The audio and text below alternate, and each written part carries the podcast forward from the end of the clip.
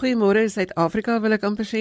Dis tyd om te praat oor geloofsake. Meestal goeie nuus waar vrees nie 'n plek het nie en waar mense 'n verskil maak in ons land. Ek is Liselde Brein en saam met Neil Roo wat ons tegnies versorg, hou ons jou geselskap tot net voor die 8 uur nuus. Hier is waarna jy kan uitsien vandag. Professor Fanie Snyman van die Universiteit Vryheid gesels oor sy aftreeplanne en Dr. Joe Viljoen vertel van hulle werk met mense waar verhoudingsprobleme bestaan. Quentin Pendel deel met ons sy passie vir musiek en die kerkorgel en die lewensafrigter Lenet Beer gesels met ons om ons te inspireer vir die week wat voorlê.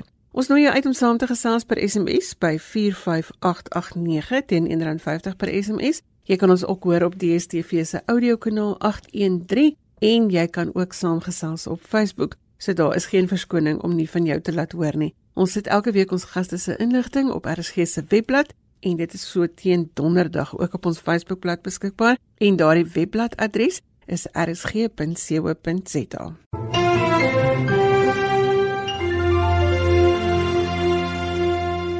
Professor Fanie Stemmer het onlangs afgetree as dekaan van die fakulteit teologie by die Universiteit van die Vrystaat en ons kyk vanoggend terug oor sy werk. Goeiemôre professor Snyman. Goeiemôre Lisel en goeiemôre aan al die luisteraars. Waar het dit alles begin? Hoe het jou loopbaan verloop?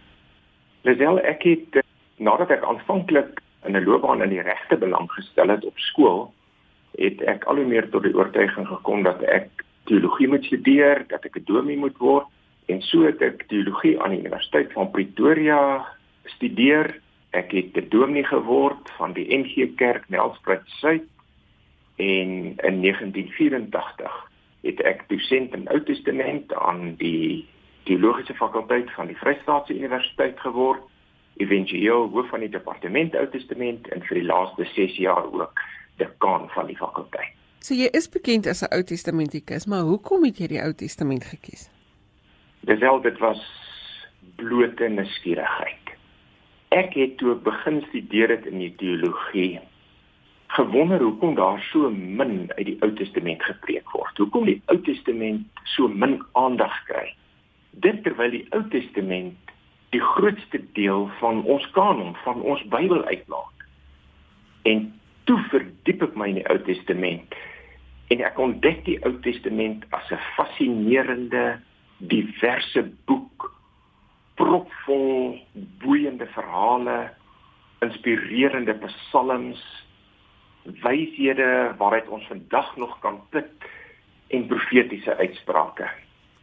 Wat my ook interesseer het, is die gelowiges wat in die Ou Testament aan die woord kom.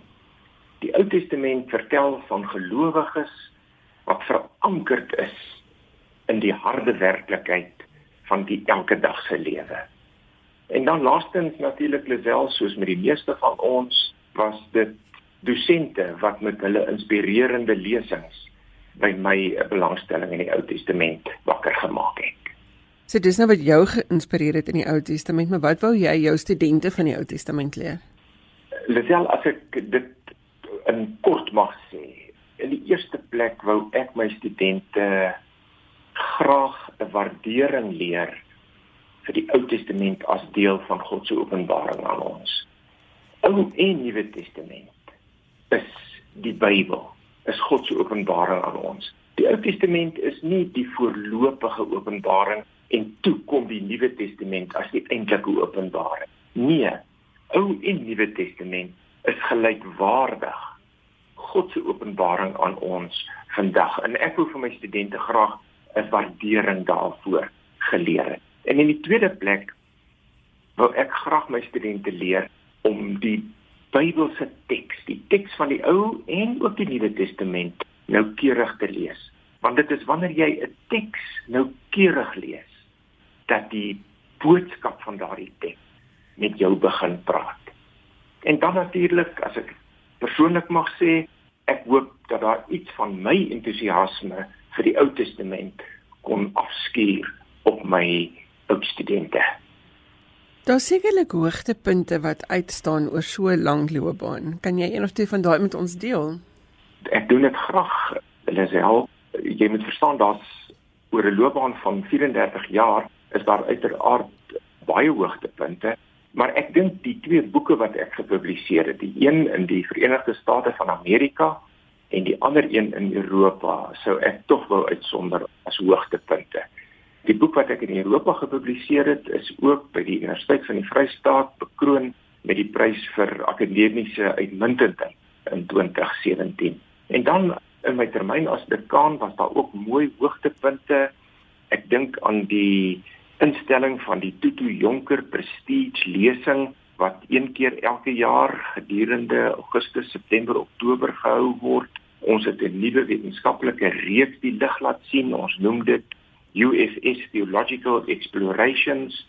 En dan het ek dit ook reg gekry om al die dekane van teologiese fakulteite in Suid-Afrika, die res van Afrika en ook in Europa hier in Bloemfontein byeen te kry vir 'n dekane beraad waar ons oor gemeenskaplike sake gepraat het. Dit was 'n eerste. Daar was nog nooit so iets nie. En ek sou dit ook wou uitsonder as 'n mooi hoogtepunt in my lewe. Wanneer as dit nou iets is wat ek geleer het oor die afgelope 10 jaar van onderhoude, dan is dit dat aftrede nie beteken dat iemand gaan stil sit nie. Wat gaan jy nou met jou aftrede doen? Ja, ek is bietjie huiwerig om my uit te laat oor 'n suksesvolle aftrede want ek is nog maar nie in die ding, maar Lisel, ek het nog skryfwerk om te doen en dit is wonderlik dat ek nou my aandag voluit kan lewer aan skryfwerk. Ek is besig om 'n boek te skryf en daar is dan nog so 'n paar artikels wat ek in die mou het wat ek graag sou wil skryf.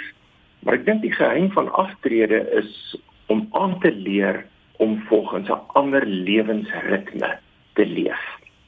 En ek dink ek is nog in die proses om daardie lewensritme aan te leer. En dan wel dink ek in ek sou graag wou dat hierdie nuwe lewensfase van my 'n fase sal wees waarin ek in 'n toenemender mate betekenisryk sal lewe. Ek sien nie soveel daarna uit om so besig te wees soos wat ek nog nooit in my lewe was nie, maar ek sien wel daarna uit om betekenisryk te lewe. En dan natuurlik sommer net om doodgewoon meer ontspanne te leef. Fanny, jy het nou afgetree, maar daar is nog baie studente wat deur die universiteit moet gaan wat nog hulle tande moet slyp op die Ou Testament. Wat is jou boodskap vir jong studente of vir studente vir predikante wat die kans sal moet betree in terme van die toekoms? Ja. Lisel die kerk leef uit die Bybel uit. Die Bybel is die boek wat aan die kerk toevertrou is geen ander instansie hanteer die Bybel soos wat die kerk die Bybel hanteer nie. En ek sou vir dominees en ook pastore, leraars, voornemende teologie studente wil aanmoedig om erns te maak met hulle bestudering van die Bybel. As die kerk die Bybel verloor, het ons eintlik regtig niks om aan die wêreld te bied nie. En hierdie uitdaging om erns te maak met die Bybel as woord van God in ons elke dag se lewe. Dink ek is die wonderlike uitdaging waarvoor die kerk nou en in 'n toenemender mate selfs in die toekoms sal staan. En so sê professor Fani Snyman, hy het onlangs afgetree as die dekaan van die fakulteit teologie by die Universiteit van Vryheid en ons hoop dat hy 'n rustige aftrede sal hê. Uh, Fani baie dankie dat jy met ons gesels het vanoggend. Dankie Lisel, dit was 'n groot voorreg geweest. Ek weet nie of ek ooit by aftree gaan uitkom nie, maar die hoop beskaam nooit nie. As jy sopas ingeskakel het, goeiemôre. Die program is Sondagjoernaal waar ons vroegoggend hoor wat die rol is wat geloof in mense se lewe speel. Ek het verlede week by huis Aristia in Durban wil gesels en daar vertel hulle my dat hulle vroeg op is en reg is voor 7uur sodat niks hulle kan pla om Sondagjoernaal te luister nie. Sommige dan ook 'n spesiale welkom vir almal daar wat vanoggend ingeskakel is. Dankie ook vir Nico Malan wat sy dankbaarheidslysie vir ons gestuur het na aanleiding van ons onderhoud verlede week. Dit is 'n lywige lys waarvoor Nico dankbaar is. En Charles Ross van die erediensbedieningsgroep van die Raslouw gemeente in Centurion herinner ons dat gister ook internasionale dag van vrede was.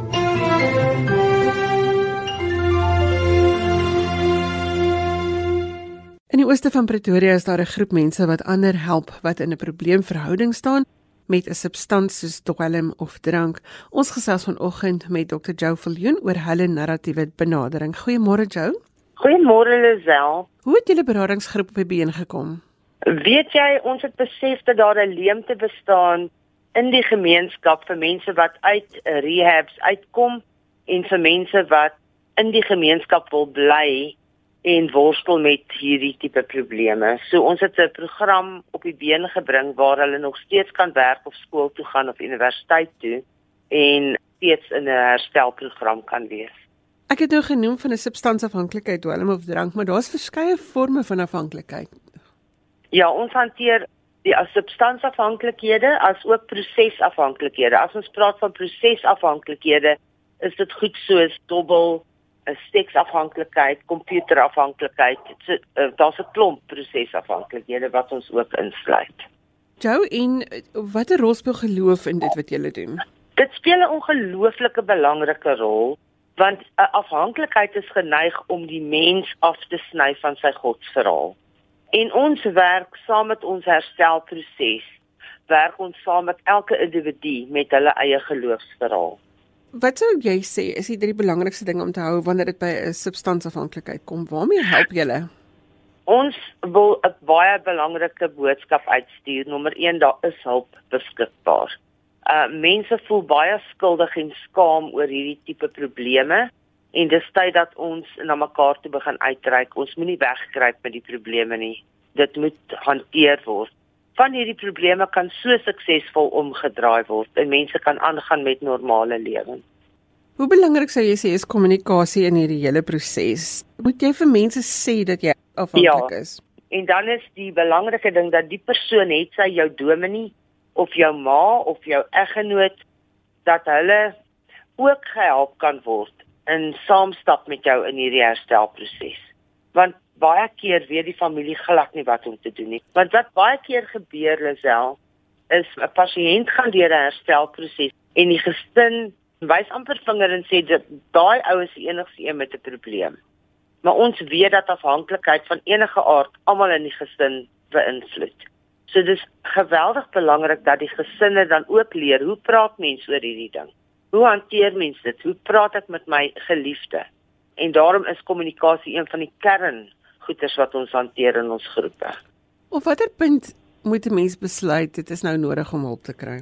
Wanneer jy begin bang word dat hierdie ding jou lewe oorneem. Wanneer jy uh, nie meer beheer het daaroor nie. Wanneer jy al een of twee keer probeer ophou het en jy gaan maar elke keer weer terug. En weet jy elke terugkeer is dan erger as die vorige keer dis wanneer 'n mens moet sê ek kan nie hierdie ding alleen doen nie. Kry so baie mense wat sê ek is nie 'n verslaafde nie, ek het nie 'n drankprobleem nie, ek het nie 'n dwelmprobleem nie, ek kan enige tyd stop. Ja, almal kan enige tyd stop tot die volgende dop.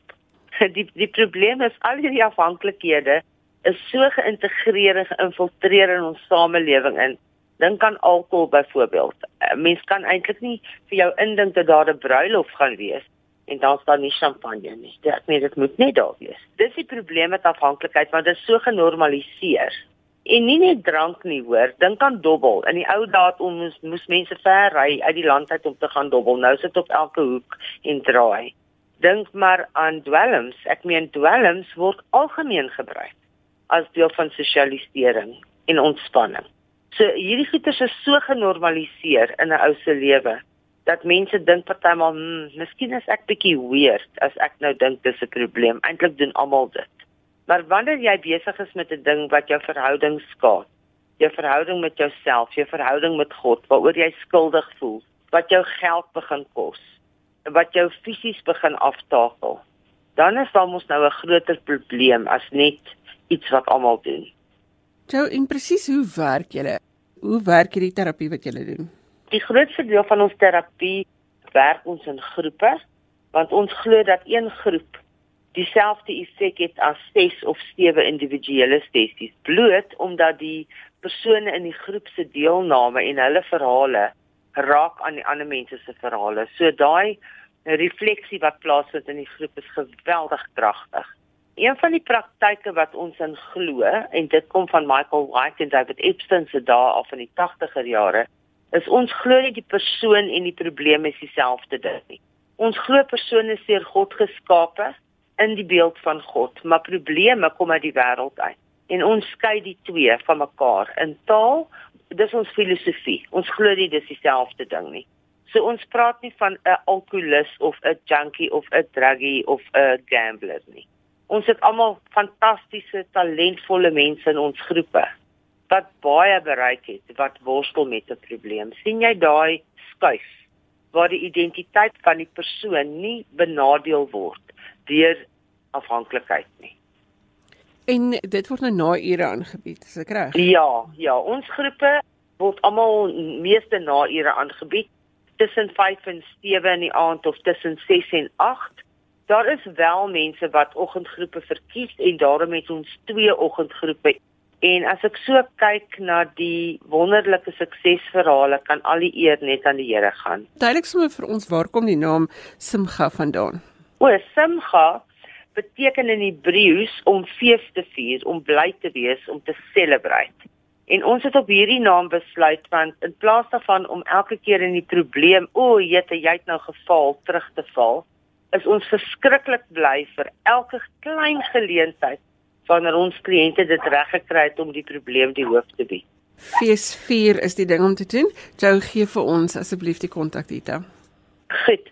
Ek gaan my uh, telefoonnommer gee as mense my wil WhatsApp, is hulle welkom om dit te doen. Dis dalk makliker.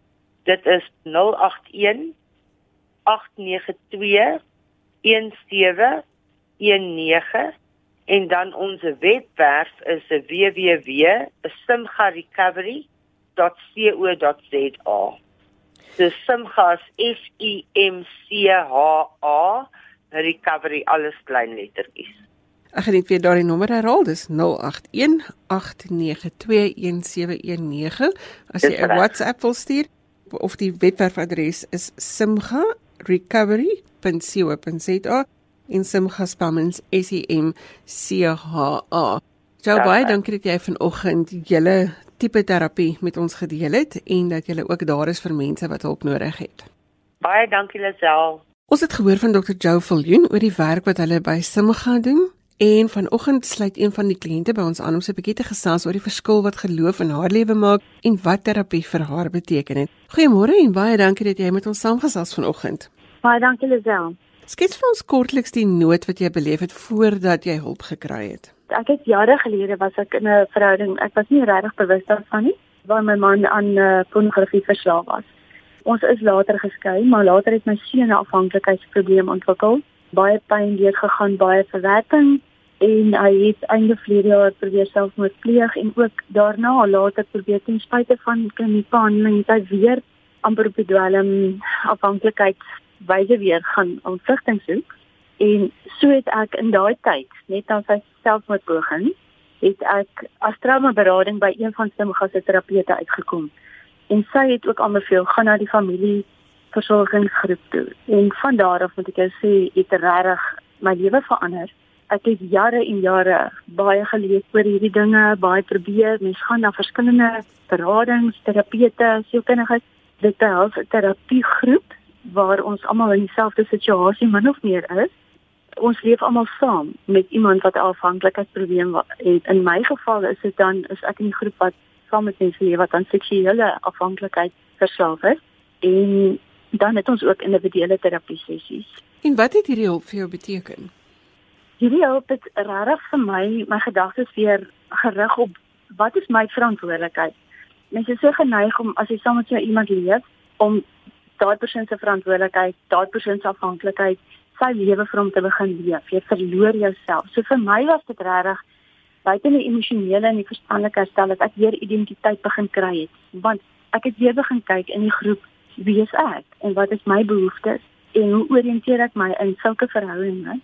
En ons leer uh dag na dag van gesonde grense. Ons praat baie daaroor en ook wat is jou eienaarskap en wat is daai persoon saam met wie jy leef se eienaarskap? Kan jy vir ons verduidelik presies watter rol speel geloof in jou lewe?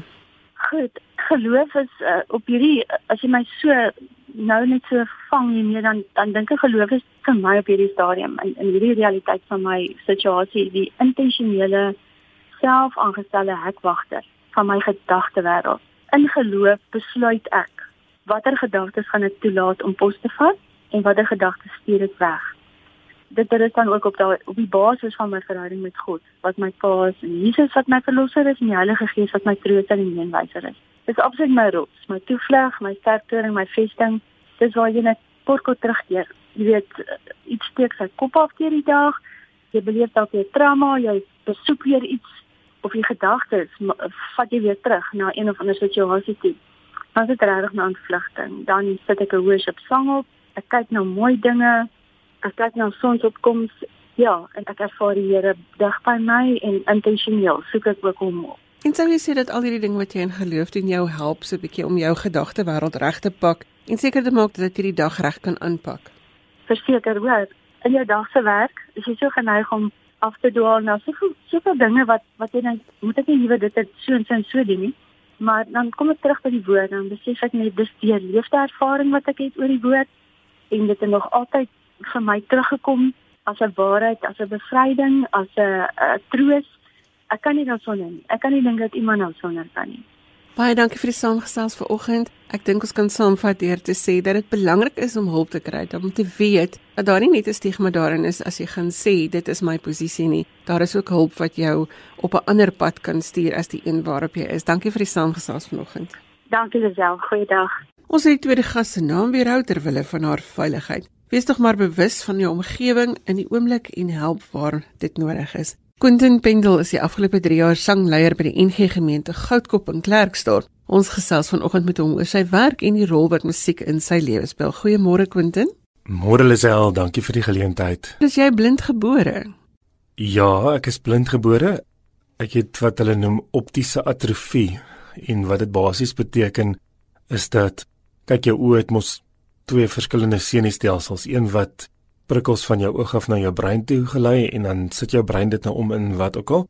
En dan jy die senuistelsel wat die prikkels weer terug van jou brein af na jou oog toe gelei en die senuistelsel wat die prikkels van my oog af na my brein toe gelei het nie ontwikkel nie. So my oë sien en dan word dit na my brein toe gestuur en my brein konvert nou as ek net die Engelse woord mag gebruik die goed wat my oë nou sien in wat ook al dit is maar die boodskap terug na my oë toe word nie so lekker ontvang nie Watter rol speel musiek in jou lewe en hoe het jy besluit op die kerkorrel? Weet jy, musiek is eintlik maar essensieel so kardinale deel van wie en wat ek is. Ons spot altyd dan sê ons musiek kies vir jou. Jy kies nie musiek nie. En as musiek jou kies dan het dit nogal die vermoë om jou heeltemal in te sluk of om ja, interessant genoeg toe ek op skool was en selfs op universiteit was my hoofinstrument klavier geweest en ek het 'n bietjie hobo probeer speel en ek het viool geprobeer speel en selfs blokfluit en tuba ek ek het nogal alles probeer. Ek wou altyd kerkorgel speel en selfs na ek geswat het het ek in die ateljee werk in begin gaan en klankingenieur werk gedoen en ook so 'n bietjie wat ons nou noem backtracks. Ek is nou nie seker van die Afrikaanse woord nie dis nogal my groot ding gewees nog al die jare maar ek wou nog altyd kerkorgel speel en toe ek op universiteit was het ek baie in die kerk gaan kerk bygewoon waar Awie van Wyk gespeel het. Awie van Wyk was een van my dosente en hy was ook 'n uitstekende koorleier op die pik gewees. En toe een naweek te soek hy 'n aflosorgel is en ek het sommer my hand op dadelik opgesteek en aangebied om in te staan al het ek nie eintlik eers geweet hoe werk die storie nie. Nou ons het 'n klein ou huisorgeltjie in die huis gehad, 'n klein was een van die Yamaha orgels. En uh, ek onthou ek het altyd gestaan en speel want my bene was te kort dat ek moes sit, jy weet, uh, in die pedale trap en so aan. So ek het daai basiese kennis van 'n orgel gehad, maar om op 'n regte pyporgel te speel is heeltemal iets anders.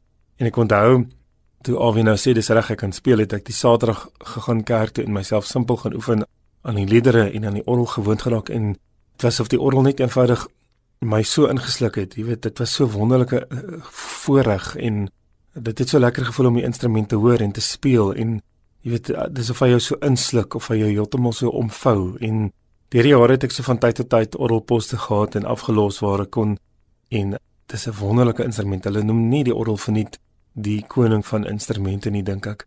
So ja, die orgel het eintlik dit moes ek maar so wees. Watter rol speel geloof in jou lewe? Ek dink baie mense sê dit seker, maar ek kan nie my lewe sonder geloof voorstel nie, sonder om te weet waar my redding is, waar my troos is, waar my vrede is. Ek was op 'n stadium baie ver van die Here af, 'n klomp jare terug en het redelik die spoor byster geraak. Maar daar was 'n aand wat die Here my opgetel het en my heel gemaak het, gesond gemaak het en my gekomfort het. Anders as wat baie mense sê, het ek nie toe ek weer tot bekering gekom het op die wolke geloop nie, maar ek het 'n ontsettende ontsettende vrede oor my gehad en ek het dit nog steeds en ek wil dit regtig probeer behou. Dit gaan party daai moeilik dit is so want ons bly mense. Maar daai vrede wat ek het, daai innerlike kalmte en vrede en en sekuriteit in wie en wat ek is en wie my redder is, dit wil ek absoluut nie prys gee nie. En dan wat daarmee saamgaan is dat geloof bepaal absoluut jou werk en hoe jy werk met mense jou deernis vir mense in in in die opset waarna ek byvoorbeeld die musiekleier is, is dit vir my nodig om my hart oop te maak vir wat die Here vir my wil sê. Jy weet as jy lofprysing lei, dan moet jy regtig die mense motiveer en aanmoedig om die dak amper te lig soos wat hulle sing en die Here loof. Daar is net absoluut niks wat daarby kom om die Here voluit te lief nie. En weet jy die interessante ding vir my is dat wanneer ek alles insit en speel en die gemeente lei en ons sing dat die bissies bewe, dan is dit of ek net eenvoudig ook so vol raak van vrede en of die Here my so seën, jy weet. En dis net die een ding, die ander ding is dat wanneer jy agtergrondmusiek in die kerk speel, voel ek moet mens oop wees vir ook wat die Here vir jou sê. Want baie keer is daar 'n boodskap wat in die in die kerk gebring word deur die predikante of of wat ook al. En dan moet jy wanneer jy speel, sê maar tydens op offergawe of wanneer ook al die stemming behou en en die gemeente het eintlik half die kans gee en aanmoedig deur jou musiek om verder hierdie gedagtes te bepaal of om dalk self met die Here te praat om om daai platform te skep om daai geleentheid vir hulle te gee sodat hulle ook eintlik regtig in aanbidding kan gaan. So ja, geloof is 'n interessante ding in die sin dat ek moet heeltyd oop wees en luister en probeer agterkom wat wil die Here nou hê moet 'n mens doen. Selfs in jou dag tot dag bestaan wanneer jy in die ateljee met mense werk of as jy in die bus ry of wat ook al, jy moet mos jou lig laat skyn en as jy geloof het, slegs ek weet nie, slegs as jy geloof het, dink ek maar kan jy regtig jou lig laat skyn in 'n baie donker wêreld. Ons weet min of meer wat die taak van die orgelis is, maar jy hou jou seker besig met ander dinge ook.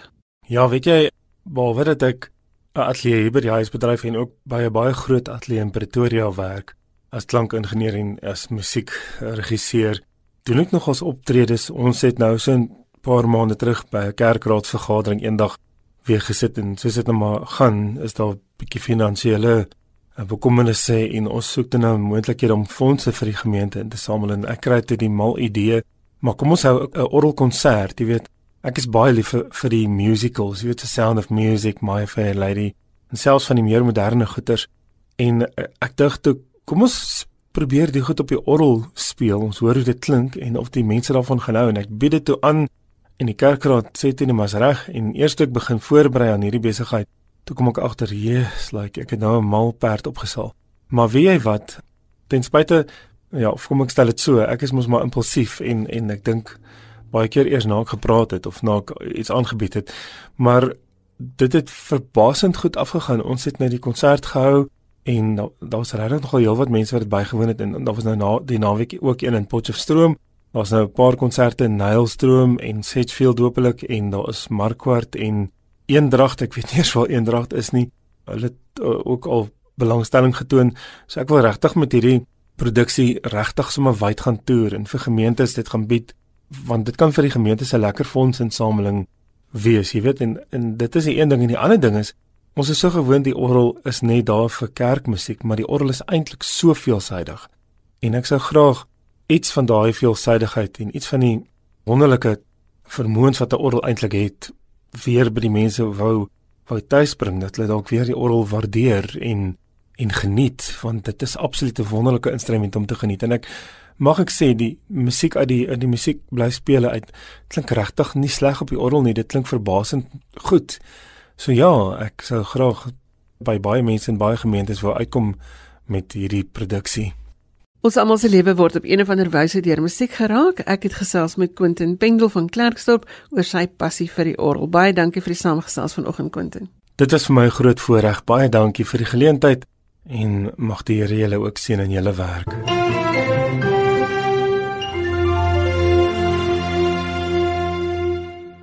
Sonnegenaal is as 'n potgooi beskikbaar na afloop van die program op RSG se webwerf by rsg.co.za. Jy gaan soek by Potgooi op die boonste skakelopsie en dan moet jy Sondagjoernaal daar intik met vandag se datum. Al die vorige episode sal ook daar wees as jy dit wil aflaai of vir iemand wil aanstuur. Lenet Beer is 'n lewensafrigter en vanoggend sluit sy by ons aan om te gesels oor ons doelwitte en die rol wat emosies in ons lewe speel. Ons moet weet hoekom ons nie daardie eerste trek kan gee nie. Goeiemôre Lenet. Môre Lisel. Ek is opgewonde dat jy vir ons gaan sê hoe om daai eerste tree te gee. So sê gou vir my, is dit nodig dat ons drome en doelwitte moet hê? Wel Lisel, God het oor my en jou gedroom nog voordat ons daar was. Nou, hy sê vir Jeremia, hy sê voordat ek jou in die moederskoot gevorm het, het ek jou geken en voordat jy uit die liggaam voortgekom het, het ek jou geheilig. En dan sê God 'n baie belangrike ding. Hy sê ek het jou tot 'n profeet vir die nasie gemaak. Nou as dit waar was vir Jeremia, is dit ook waar vir ons, stem jy saam? Ek stem 100% saam. Ja. Nou, dit dis verskriklik belangrik om te weet dat God om ons drome en ons doelwitte te leef, het hy eers oor ons gedroom. So met ander woorde, God het jou en my met sy eie hande mekaar geweef volgens Psalm 139 en hy het dus oor ons gedroom en hy verwag dat die droom wat hy oor my en jou gedroom het, dat ons daardie droom moet uitleef want hy het vir ons bepaalde kwaliteite gegee wat dit vir ons moontlik maak om daai droom te leef. So dit maak dit dan belangrik dat ons elkeen 'n positiewe verwagting moet hê om mee te lewe. Verseker, verseker, want onthou nou, Jesus sê, hy sê ek het gekom Johannes 10:10 sodat jy lewe en oorvloed kan hê. Nou, dis baie uitdagend om met 'n positiewe verwagting te leef. Indien jy nie weet wie jy is en wat jy kan doen nie, dis amper al onmoontlik. Dit as jy nou gaan kyk na Bybelkarakters, En ons sien onder andere hoe dat Paulus en Deborah baanbrekerswerk gedoen het net omdat hulle geweet het wat God se droom oor hulle lewe was. Ons sien ook hoe Miriam en Petrus en Josef met 'n positiewe verwagting geleef het ongeag hulle omstandighede. Want hulle het geweet wie hulle is. Hulle het ook geweet waartoe hulle in staat is.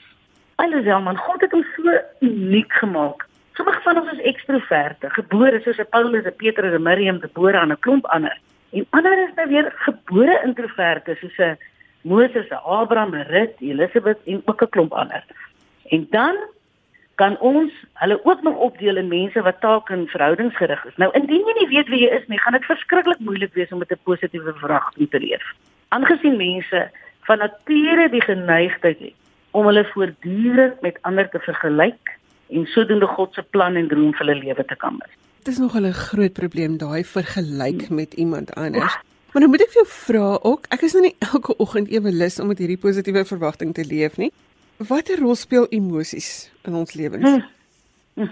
Kyk, dis wel emosies is of jou vriend of jou vyand, né? Nee? Nou emosie as sulks is nie sleg nie. Ek meen emosies kan baie positief wees. Jy kan byvoorbeeld besluit jy wil nooit weer in hierdie swak omstandighede wees nie en jy kan 'n besluit neem om te werk om nie in hierdie omstandighede te wees nie. So dit hang af hoe jy jou emosie benader. Maar as jy daai emosie sleg hanteer, gaan dit jou lewe op 'n totale syspoor plaas. Kyk, die groot ding is jou agterbrein. Alles gebeur in jou agterbrein. Die oomblik as jy aan iets dink, dan stuur dit 'n sein na jou middelbrein wat jou emosionele brein is wat 80000 keer vinniger is as jou voorbrein. En eintlik moet ons in ons voorbreine funksioneer, want dit is in die voorbrein waar jy jou emosie verwerk. Maar mense besef nie dat tussen jou middelbrein en jou voorbrein is daar 'n 5 sekondes wat jy nodig het voordat jy optree. As jy nie weet wat jou dryf nie, want party mense word gedryf deur vrees en ander word gedryf deur woede. Né? Nee? So ek weet ek word gedryf deur woede.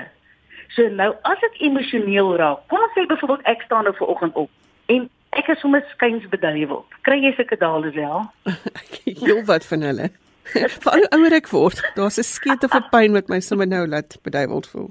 Jy staan op en dan kom jy agter maar dis die emosie wat die duiwel vandag gaan gebruik om jou te pootjie. So ek is nou al so ingestel as gevolg van die bietjie kennis wat ek het dat ek word deur die emosie van woede gedryf. Ander mense word weer deur die emosie van vrees gedryf. Met die woord sê waar die vrees is, is daar nie liefde nie. Waar die liefde is, gaan ek nou verder aan. Sê dit daar nie hoop nie, waar die hoop nie is nie, is daar nie geloof nie. Waar die geloof nie is nie, is daar nie oorwinning nie.